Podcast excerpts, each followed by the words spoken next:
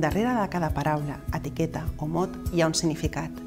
I darrere de la paraula mena, menors, estrangers no acompanyats, hi ha moltes històries diferents i personals d'infants, adolescents i joves que arriben migrats al nostre país sense companyia. Darrere de cada una d'aquestes històries hi ha històries de vida molt dures i molt crues que cal abordar.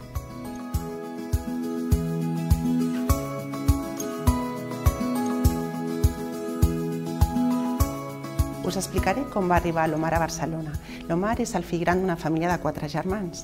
La mare tenia una diabetis maltractada i el pare treballava de manera intermitent en l'obra. Van decidir recollir tots els seus estalvis i enviar el seu fill al nostre país.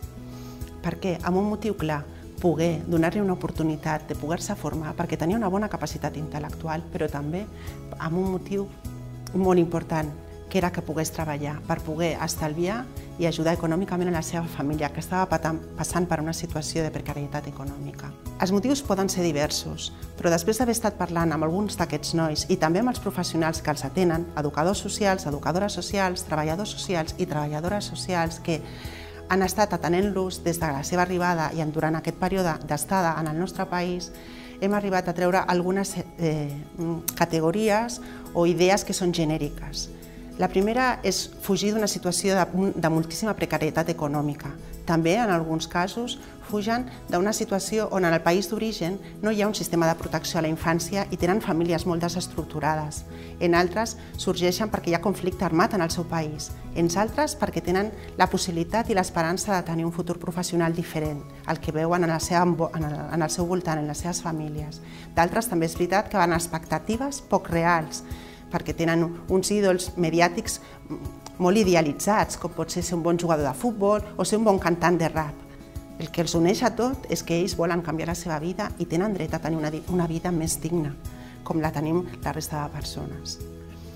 Mireu, com podem ajudar a fer una intervenció més eficaç amb aquests nois i noies? No n'hi ha prou en fer una acollida eh, que sigui, és, és necessari, evidentment, fer una acollida, però aquesta acollida ha d'anar molt personalitzada en funció de les necessitats de cada, de cada jove, de cada, de cada adolescent. Hi ha una frase que m'acompanya des de fa molt temps, que és que el mismo fuego que cuece un huevo derrite també la mantequilla. És a dir, si fem un paral·lelisme, no podem tractar-los a tots iguals i esperar que tots ens responguin de la mateixa manera, perquè cada un pot tenir una resposta diferent i en ocasions fins i tot oposada al que nosaltres esperem.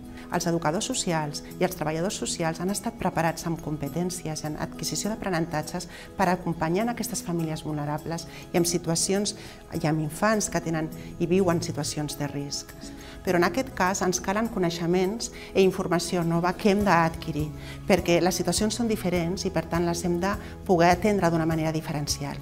Formació en la llengua, perquè és essencial que ens puguem entendre per poder-los atendre, però a més a més, cultura del seu país, polítiques migratòries, coneixements en polítiques internacionals, coneixements en com funcionen les cooperacions, col·laborar amb el país d'origen, tot el tema del dol migratori. Aquests nois venen deixant moltíssimes coses enrere, però quan arriben aquí arriben amb ansietat, amb pors, amb angoixes i amb tot un procés personal que han de fer. I nosaltres hem de ser capaços de poder contenir, escoltar, acollir i d'alguna manera fer un retorn que els, que els faciliti poder continuar en la seva vida.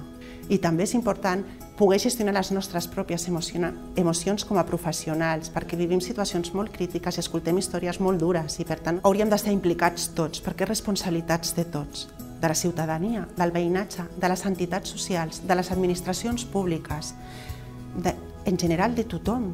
És a dir, tots podem fer alguna cosa, per petita que sigui. Podem trencar estereotips, prejudicis, tenir una mirada més positiva de la interculturalitat, veure el, el, eh, la part positiva de tot plegat i sobretot fer-nos responsables de que aquests infants poden ser eh, nanos que tenen tots els drets com poden tenir els nostres fills o els nostres germans.